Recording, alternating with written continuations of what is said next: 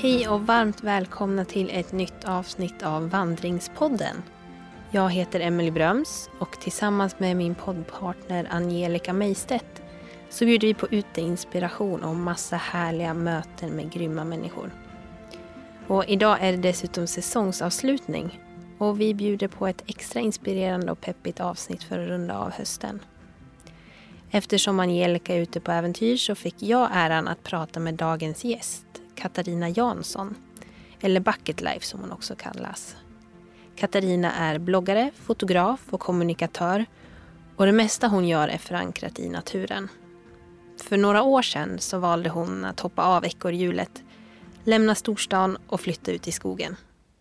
Idag bor hon i en lada i den lilla byn Särna i norra Dalarna. Hur är egentligen livet där? Och hur gjorde hon för att både kunna och våga vandra sin egen väg? Det och mycket mer pratar vi om idag. Men innan vi kastar oss över intervjun med Katta så vill jag och Angelica passa på att säga ett stort fantastiskt tack för en helt underbar första säsong av Vandringspodden. Vi är så himla glada över alla härliga hejarop och positiva kommentarer, frågor som ni skickar in och förslag på gäster och teman som ni kommer med. Nu så tar vi jullov och ger oss ut på lite vinteräventyr. Och om ni vill ha sällskap i lurarna så finns det ju en hel säsong med tidigare vandringsspäckade avsnitt att lyssna på. Och kom också ihåg att hänga med i vandringsbloggens julkalender för en stressfri jul. Eh, ladda ner den på vandringsbloggen.com och ta del av alla de här utmaningarna som förhoppningsvis gör att vi landar lite mer här och nu. Så ha en riktigt härlig jul, ett gott nytt år och en underbar vinter. Och så rullar vi intervjun med Katta.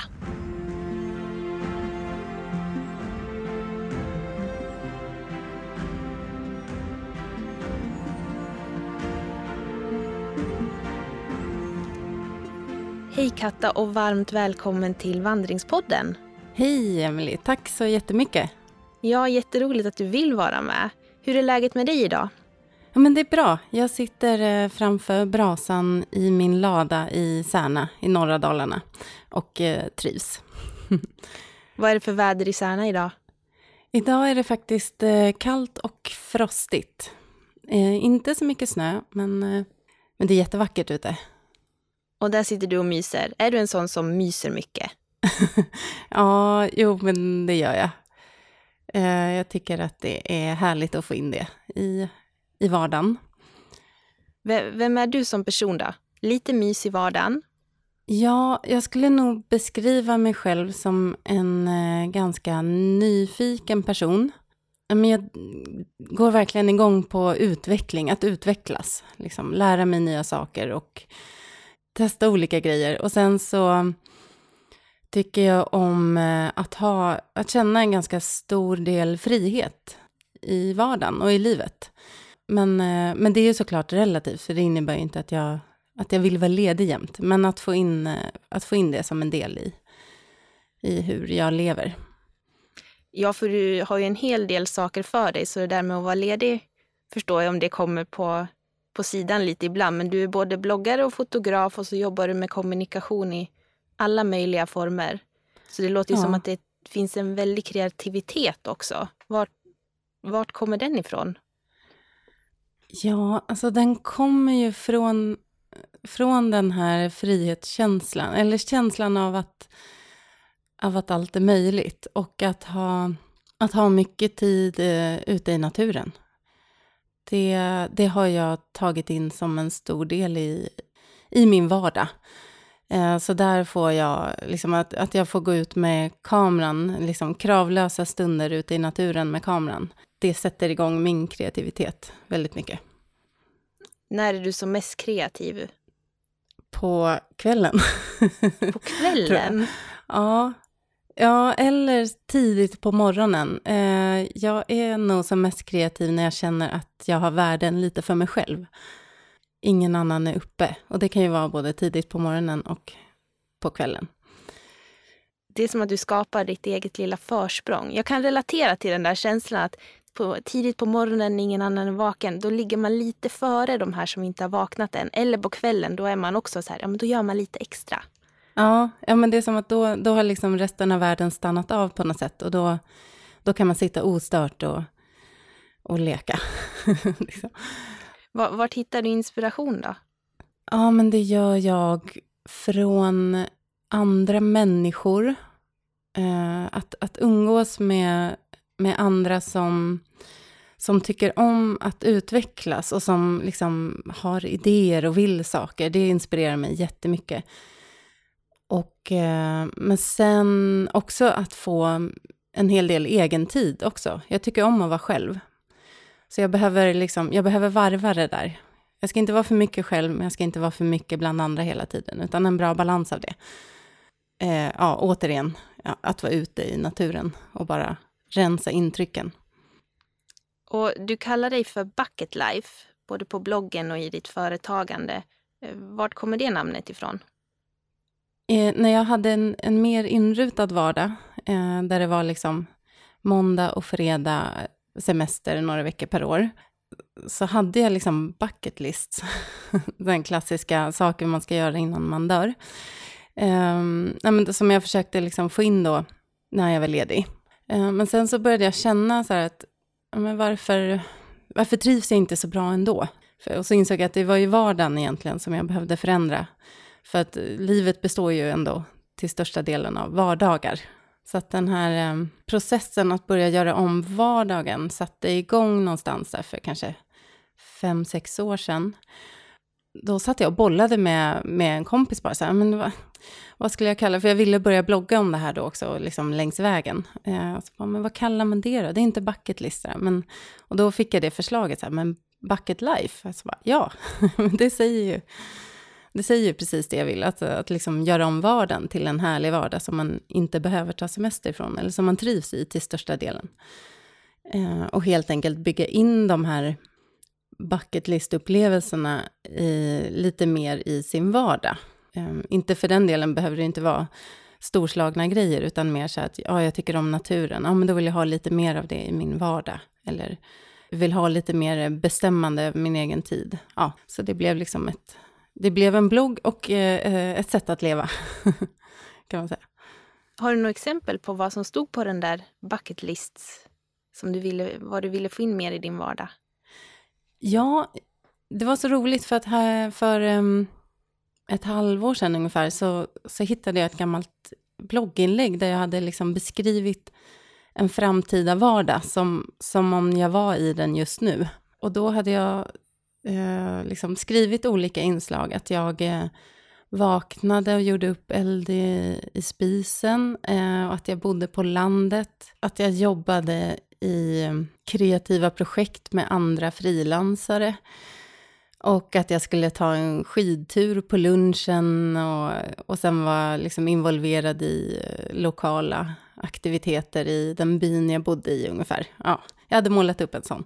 Så det var ju, det var ju liksom lite större frihet, bo nära naturen och liksom via det digitala då få jobba med kreativa projekt, att inte tappa den biten. Eh, och sen insåg jag när jag läste det här nu för ett halvår sedan, jag hade lite glömt bort det där inlägget, så bara, men gud, det är den vardagen jag har nu. så att eh, det, det, var, det var väl ungefär eh, som jag har det nu, det var, det var väl det jag ville ha. Natur, större självbestämmande och att fortfarande ha mycket kontakt med, med eh, andra människor, kan man mm. säga. Men när du skrev det här blogginlägget då, hur såg livet ut då? Vart befann du dig? Ja, det var rätt mycket stressigare då. Då bodde jag i Norrköping. Eh, jag, är född och uppvuxen i Stockholm. Jag eh, träffade en kille då som hade barn, så jag flyttade till Norrköping. Men jag hade kvar mitt jobb i Stockholm. Eh, jag var konsult, säljare och marknadsansvarig på ett, en byrå i Stockholm. Så jag kunde liksom ha fem, sex projekt igång samtidigt och internt jobb. Och, och så eh, tågpendlade jag. Ungefär ett års tid så gjorde jag det dagligen, alltså fram och tillbaks mellan Stockholm och Norrköping. Då.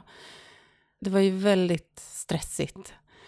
Eh, och jag skulle liksom försöka upprätthålla sociala relationer både i Stockholm och i Norrköping. Och, och det kändes som att jag mest åkte tåg mellan en massa åtaganden egentligen. Eh, det var tuffa år och där jag verkligen började fundera, så här, gud ska det vara så här?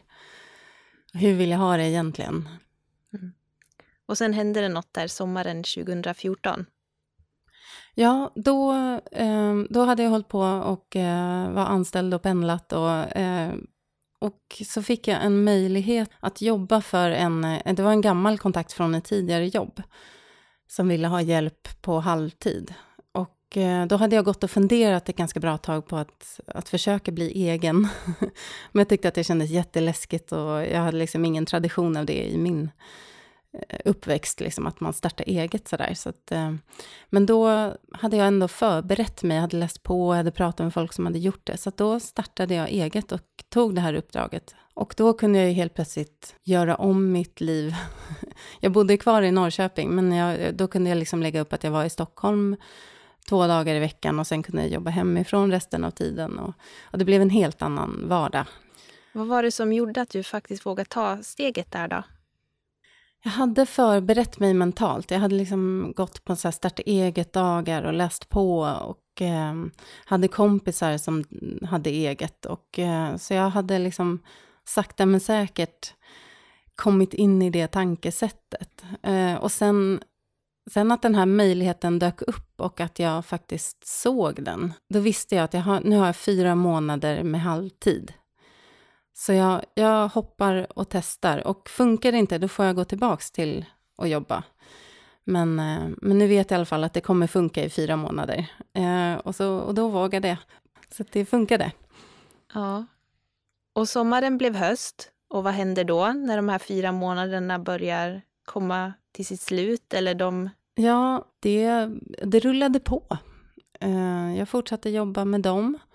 Och sen så har jag gjort lite om eh, lite andra, man knyter ju nätverk hela tiden. Liksom, och, eh, och, så dyker det upp något, någon vill ha hjälp med fotojobb, så kunde jag göra det. Och någon vill ha hjälp med en webb, och så kunde jag hjälpa till med det. Så att det, det liksom rullar på, man får ju vara aktiv. liksom. det, jobben kommer inte flygande till en, utan man får, man får nätverka och eh, lägga ut små trådar, låta folk veta att man, att man finns och eh, vad man kan. Vad hade Bucket Life för eh, roll i den, i den här processen? Fanns den med som någon röd tråd eller liksom de tankarna med det här lite mer naturnära? Eh, bloggen var ju liksom en, ett sidoprojekt som jag ville satsa på. Så jag tänkte att jag, jag ska lägga 50 procent ungefär på konsultandet. Och eh, också 50 procent på, på bloggen och andra kreativa projekt jag ville pyssla med. Det har ju blivit mycket mycket natur, liksom, för att jag gillar det. Så att jag, jag gav mig ut liksom, lediga dagar och så tog jag mig ut till olika naturområden runt om Norrköping till exempel. Eller så åkte jag upp till Särna då, där vi har gården då som jag bor på nu, men som då var mer mitt fritidshus kan man säga. Eh, det utvecklades ju, där, där via bloggen har jag också träffat väldigt många frilansare och jag, så jag hängde med mycket på träffar med andra bloggare och frilansare visade sig vara många också. Så att, så att jag liksom knöt nätverk. Eh, och sen så eh, har ju också bloggen gjort att jag har dokumenterat min resa och kanske formulerat min filosofi tydligt för mig själv också. Så att den har faktiskt varit ett, ett hjälp i det här arbetet på det sättet. Och sen från Norrköping till Särna där du sitter idag.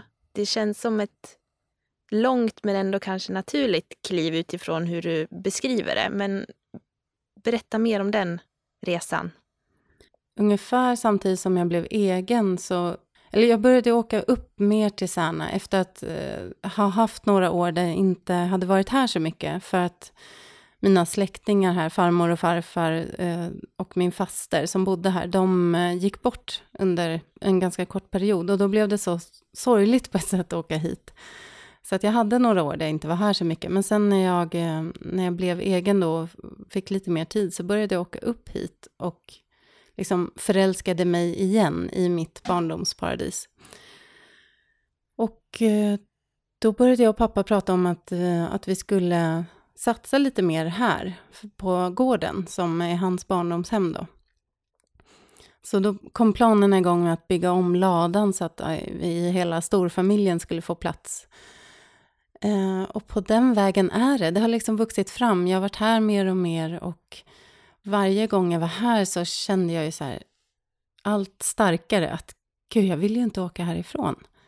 Det, det är fantastiskt att vara här och naturen är precis utanför dörren och det är tyst. Ja, men det är en frihet här som är svårslagen och det är liksom mycket, vad ska man säga, vildmark runt omkring. Det är ganska oexploaterat. Eh, och då växte det där fröet. Och sen i samband med att jag separerade så, så bara slog det mig att jag höll på sådär, ska jag bo i Stockholm eller ska jag flytta till Åre? Vad ska jag göra liksom? Och, och sen så bara, nej men jag ska ju bo i Särna. och då blev det självklart, det var liksom, det bara, när det väl liksom trillade ner den på lätten så var det så, var det så självklart. Så för ungefär, ja det är väl ett och ett halvt år sedan snart som jag liksom gradvis flyttade hit, eller liksom åkte upp hit och tog med mig mina saker. Och nu är jag skriven här också och, ja, och bor här på riktigt. Liksom. Mm. Och hur ser livet ut nu? Beskriv livet i Särna. det är ganska lugnt. Eh, även om jag liksom i perioder jobbar mycket och gör mycket saker så är det liksom alltid en lugn grundnivå här. Alltså man blir väldigt avslappnad så fort man kommer in i, i byn, tycker jag. Men eh, jag går upp på morgonen, gör upp en eld nu så här på vintertid. Eh, och sen så brukar jag, brukar jag jobba undan lite grejer på förmiddagen sådär. Och sen så kanske jag eh, åker till ett fjäll. Eller så tar jag en promenad eh, i skogen. Eller åker skidor, eh, kör skoter på vintern och vandrar på sommaren. Och det, det, finns ju mycket att upptäcka här liksom, som inte är så långt bort. Så jag kan ju ta en fjälltur på eftermiddagen. Jag hinner det. Liksom. Och det, det uppskattar jag verkligen. Att, eh, jag tror jag har fem fjäll inom 45 minuters biltur. Så det finns mycket att göra tycker jag. sen, eh, sen har jag ju lite liksom, bekanta och vänner och släkt på byn sådär, som jag umgås med. Och eh, så brukar jag bjuda hit folk också på lite minikonferenser. För att få lite känna det här med kollegor. Eftersom jag sitter ofta hemma i ladan och jobbar själv så ska man behöva den här eh, utbytet med andra eh, likasinnade. Och, eh, så att jag har haft några workations här där jag bjudit hit ja, bloggare och fotografer och frilanskompisar. Och, eh, och sen så åker jag en del också. Jag är nere i Stockholm kanske ja, i snitt en gång per månad. Eh, åker till Åre ibland och hälsar på kompisar där och passar på att jobba därifrån. Och, ja, så det, det, är lite det varierat. Jag åker fortfarande en del, men jag ser till att ha liksom sammanhängande lugn tid här hemma också. Mm. Var det som du hade tänkt dig att bo i Särna på heltid? Ja, det, var, det är det nog och eh, bättre. alltså jag, jag var ju orolig att jag kanske skulle tycka att det var tråkigt eller ja, att jag skulle bli eh, ensam lite för mycket. Jag tycker ju om att vara själv, men nej, det har varit eh, jättebra. Det är perfekt balans för mig faktiskt. Så jag, och sen så har jag ju liksom fått nya intressen sen jag flyttade hit, som också är kul, eller som, som kommer med att, att man byter miljö helt enkelt. Och har väl samtidigt insett att många av de behoven som jag var orolig att jag inte skulle kunna liksom uppfylla här, eh, de försvinner ju. När man lämnar stan så, så försvinner behovet av att eh, ja, shoppa eller gå ut och äta eller liksom sådär. Det, när, när, man inte har det framför näsan så, så försvinner det. Eh, och så hittar man andra saker som berikar livet här istället. Så att nu tycker jag att det är fantastiskt att gå ner till sjön och bara titta på hur den ser ut från dag till dag. Det är dimma ibland och ibland är det isen sjunger när det lägger sig. Och, ja, men det, man upptäcker nya saker. Mm. Så att jag tycker, jag tycker det har varit, jag trivs jättebra verkligen. Mm. Utmaningar då? Har det varit några sådana? Det är ju svårare att hitta kunder här till exempel. Så jag, jag har ju min konsultdel fortfarande då. Och eh, så det kräver ju fortfarande resa ofta. Men å andra sidan så har jag ju mycket lägre kostnader när jag bor här. Så att, eh, så att jag behöver heller inte jobba lika mycket som jag behövde göra när jag hade liksom höga fasta kostnader i Norrköping eller i Stockholm. Så, eh, så att på ett sätt jämnar det väl ut sig. Och sen så är en fördel när man, när man flyttar till en mindre ort också, det är att man syns ju mer. Eh, så att folk får reda på att man finns här, helt enkelt. Eh, så, så det är lättare på ett sätt. Det, det är inte lika stor, vad ska man säga, det finns ju mängder av frilansare och konsulter i Stockholm, så att det är svårare att, eh, att särskilja sig där, helt enkelt. Men, eh, men jag, har väl, jag har väl hittat eh, en balans nu och, eh, och få jobba liksom mer på säljdelen, helt enkelt, än vad jag kanske behövde göra i Stockholm, ehm, där jag hade ett upparbetat nätverk. Mm. Ja, för hur är det då? Det här livet som egen företagare och osäkerheten i förhållande till kontrollen över den egna vardagen med friheten och det här och inkomster och Eh, hur har den omställningen varit? Ett, det, det är inte liksom bara guld och gröna skogar, utan det är ju det kan vara slitsamt att vara egenföretagare. Du måste jobba med, med alla delar själv liksom, att sälja, att utföra och underhålla nätverket och sådär. Eh, jag tycker att det är värt det för att eh, jag också uppskattar friheten som det är, eller självbestämmandet. Och jag, jag har precis pratat med, med två kollegor i ett annat poddavsnitt om e, just egenföretagarlivet och där är det så att frihet är inte lika med ledighet och det är väldigt sant. så, att, eh, så man är ju liksom hela tiden både och. Liksom både, jag, alltså är jag ute i skogen så är jag fortfarande så där, jag behöver svara i telefon eller jag behöver kontakta någon sådär. Men, men jag trivs ju med det upplägget. Så att för mig funkar det bra. Det är en större osäkerhet såklart i, ja men har jag intäkter nästa kvartal? Eh, och liksom har jag inte det så är det jag som måste fixa det och jag måste fixa alla försäkringar och allt vad det är. Det är ju tuffare än att vara anställd helt enkelt. Men för mig väger det över. Och sen tror jag inte att, att det passar alla. Men, men jag, jag trivs med det än så länge. Mm. Mm. Hur har omgivningen reagerat? Vad har andra sagt när du till exempel bestämde dig för att flytta till Särna? Till största delen positivt. Eller så här, det var, det var bara positivt. Det var liksom ingen som var negativ till det. Eh, möjligen att eh, pappa var lite orolig hur det skulle gå. Eh, det som, jag fick en, en fråga var sådär, att, ja men, eh, ska du, ska du vara där hela tiden? Eh, och det är lite lustigt, för det, i vanliga fall när man flyttar någonstans så är det så här, ja, jo men, man tänker då att den personen ska bo där och vara där större delen av tiden. Men eftersom jag flyttade till en liten by så undrade nog många om, om jag verkligen skulle kunna vara här större delen av tiden. Eh, och eh, men eh, sen var det väl också sådär, vad ska du göra? Alltså hur, hur ska du livnära dig? Det var väl liksom en fråga som kom. Eh, men eftersom jag då jobbar mycket digitalt så kan jag göra mycket på distans. Så, att, eh, så det, det funkar ju när man har min typ av jobb. Eh, nej, men det var positivt. Och sen så dök det upp många, det visade sig att det fanns många, många som gick och bar på en liknande eh, dröm. Sådär. Åh, jag, också, jag skulle också vilja göra bara så här, lämna allt och hoppa av ekorrhjulet och flytta ut i skogen. Så här. Men, men att det mer kanske var så där, en idé. Fler än man tror kanske, som går och, och längtar bort från eh, det klassiska stadslivet kanske. Mm.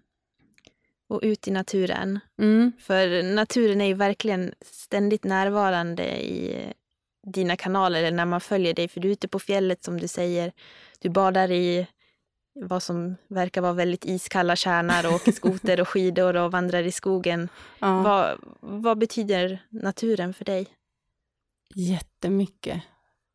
Jag blir... Um, alltså jag blir lugn och tillfreds. Det, det är en känsla av... eh, men så här, jakten eller stressen lägger sig när jag kommer ut i skogen. Och särskilt när det är, ja men som här, när det är, liksom, det är tyst. Jag möter inte en själ liksom när jag är ute. så, så blir det så, det blir som bra distans till det andra. Jag kan tänka klarare eh, tankar, liksom, för det är inte så mycket stimuli som kommer och, och stör och pockar på uppmärksamhet, utan liksom, hjärnan får vara i fred. Jag tänker bättre och, eh, och jag får ett, ett lugn i kroppen. Mm. Och sen så just det här att man rör på sig också. Det är ju jättebra för välmåendet.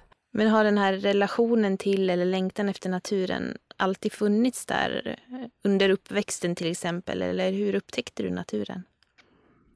Jag tror att jag är präglad på den, det här livet eh, från barndomen. För att vi var ju här jättemycket när jag var liten. Eh, jag hade ju både farmor, farfar och mormor här. Eh, och vi åkte hit alla lov. Så att eh, vi var ute i skogen och eh, drack termosvin, eld, liksom när jag var liten. Det var ju det vi gjorde. Vi åkte inte utomlands eller gjorde andra semestrar för att eh, jag tror inte, liksom, vi hade inte råd, utan vi, vi var här och, och njöt av det naturen hade att erbjuda. Så det var ju mycket uteliv då. Och sen så hade jag som, som många andra kanske en, en längtan ut i världen när jag var tonåring och eh, åren mellan 20 och 30 så, så var det ju stan som gällde. Och jag ville verkligen bo i stan och köpte lägenhet i Stockholm och var så himla lycklig liksom, de åren. Eh, så jag tror att det går, alltså man utvecklas ju och omvärderar och omprioriterar. Man har olika faser i livet där man vill olika saker. Men naturen har väl alltid, det har alltid funnits med. Sen har jag liksom verkligen haft år där jag inte har varit ut så mycket som när jag var liten och som jag är nu. Eh, men den finns ju alltid där. Jag bodde ju nära eh, ett naturreservat i, i Stockholm. Jag är uppvuxen liksom i utkanten av Järvafältet, så jag var ju ute där mycket också. Ja, men det, det, har alltid funnits med, men eh, jag har inte liksom aktivt sökt upp den eh, hela tiden. Tror jag. Men om man då vill göra någonting i livet, man vill göra en förändring, man känner att det är något som skaver i vardagen. Mm. Hur, I vilken ände ska man börja, tycker du? Eller så här, egentligen handlar det först om att så här, vad är det jag vill? Eh, och liksom, är det här något jag vill eller vill jag det för att jag påverkas av andra till exempel? Så att, att verkligen tänka så här, när mår jag som bäst? Och så försöka se så här, vad, vilka delar är det om det var så här, en dag uppe på ett fjäll eller en, en resa till Manhattan, liksom, åh, då var jag superlycklig. Så här, men vilka element var det som gjorde mig glad? Var det myllret av människor eller var det naturen eller var det känslan av att vara ledig? Och, liksom, och sen försöka se sådär, ja, men hur kan jag få in de här elementen lite mer i min vardag? För det är inte alltid man behöver, åh, jag ska säga upp mig och flytta ut på landet eller resa jorden runt, utan det är så här, kan jag göra små förändringar i min vardag som ger mig mer av det jag mår bra av. Liksom. Och sen så om man vill göra liksom en, en, större förändring så tycker jag att det är jättebra att sådär, prata med andra som har gjort samma sak, läsa på, kanske börja bygga sin kompetens åt rätt håll om man behöver skifta den. Eh, så att liksom förbereda sig, för då är man också redo lite mer när en möjlighet dyker upp. Att man kanske till och med ser en möjlighet som man inte hade sett annars. Ja, men umgås med, med människor som gör det du vill göra. Det ger jättemycket. Och sen börja ta steg för steg de här stora kliven är ju häftiga och så, men, men det, små steg kan ha en jättestor effekt. Eh, och tar en in på rätt riktning och då börjar det hända saker längs vägen som tar en vidare i den riktningen. Mm. Så att eh, ja. bara börja.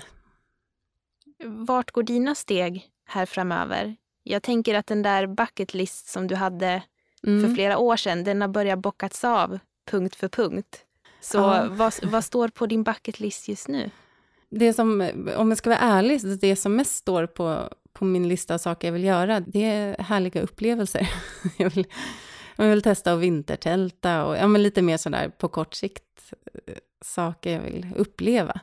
Men i liksom en, en större riktning så, så är det väl att fortsätta utveckla livet här bland annat förverkliga en idé som jag och min syster har haft, som inte riktigt vill prata om än, exakt vad det är.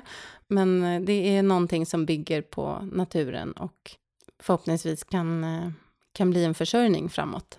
Eh, så att ja, jag vill, jag vill liksom fortsätta bygga min bas här och njuta av det här livet. och sen vet jag inte, om fem år kanske jag vill eh, något helt annat och då får jag, då får jag omvärdera. Liksom. Men, eh, men så känns det just nu, att jag vill vara kvar här och bygga vidare på det. Gud vad härligt. Mm. Det låter som ett väldigt härligt liv och just det här att vara så nära naturen och friheten. Och... Ja, ja. men det, det är det. Jag trivs jättebra i det. Och sen är det ju så att alla, alla liv har ju sina tråkiga dagar och, och baksidor. Eh, så att man ska inte bara, åh, det är bara fantastiskt. men eh, mina vardagsproblem är ändå behagliga. Liksom, jag, jag föredrar verkligen det här med att slita på en gård framför att sitta i rusningstrafik i stan. Så att jag, jag, eh, i grunden trivs jag väldigt bra med min vardag. Och eh, det var ju det jag ville uppnå. Mm. Faktiskt. Mm. Stort tack för att du ville dela med dig av dina tankar och din berättelse. Ja, men tack för att jag fick, eh, fick göra det.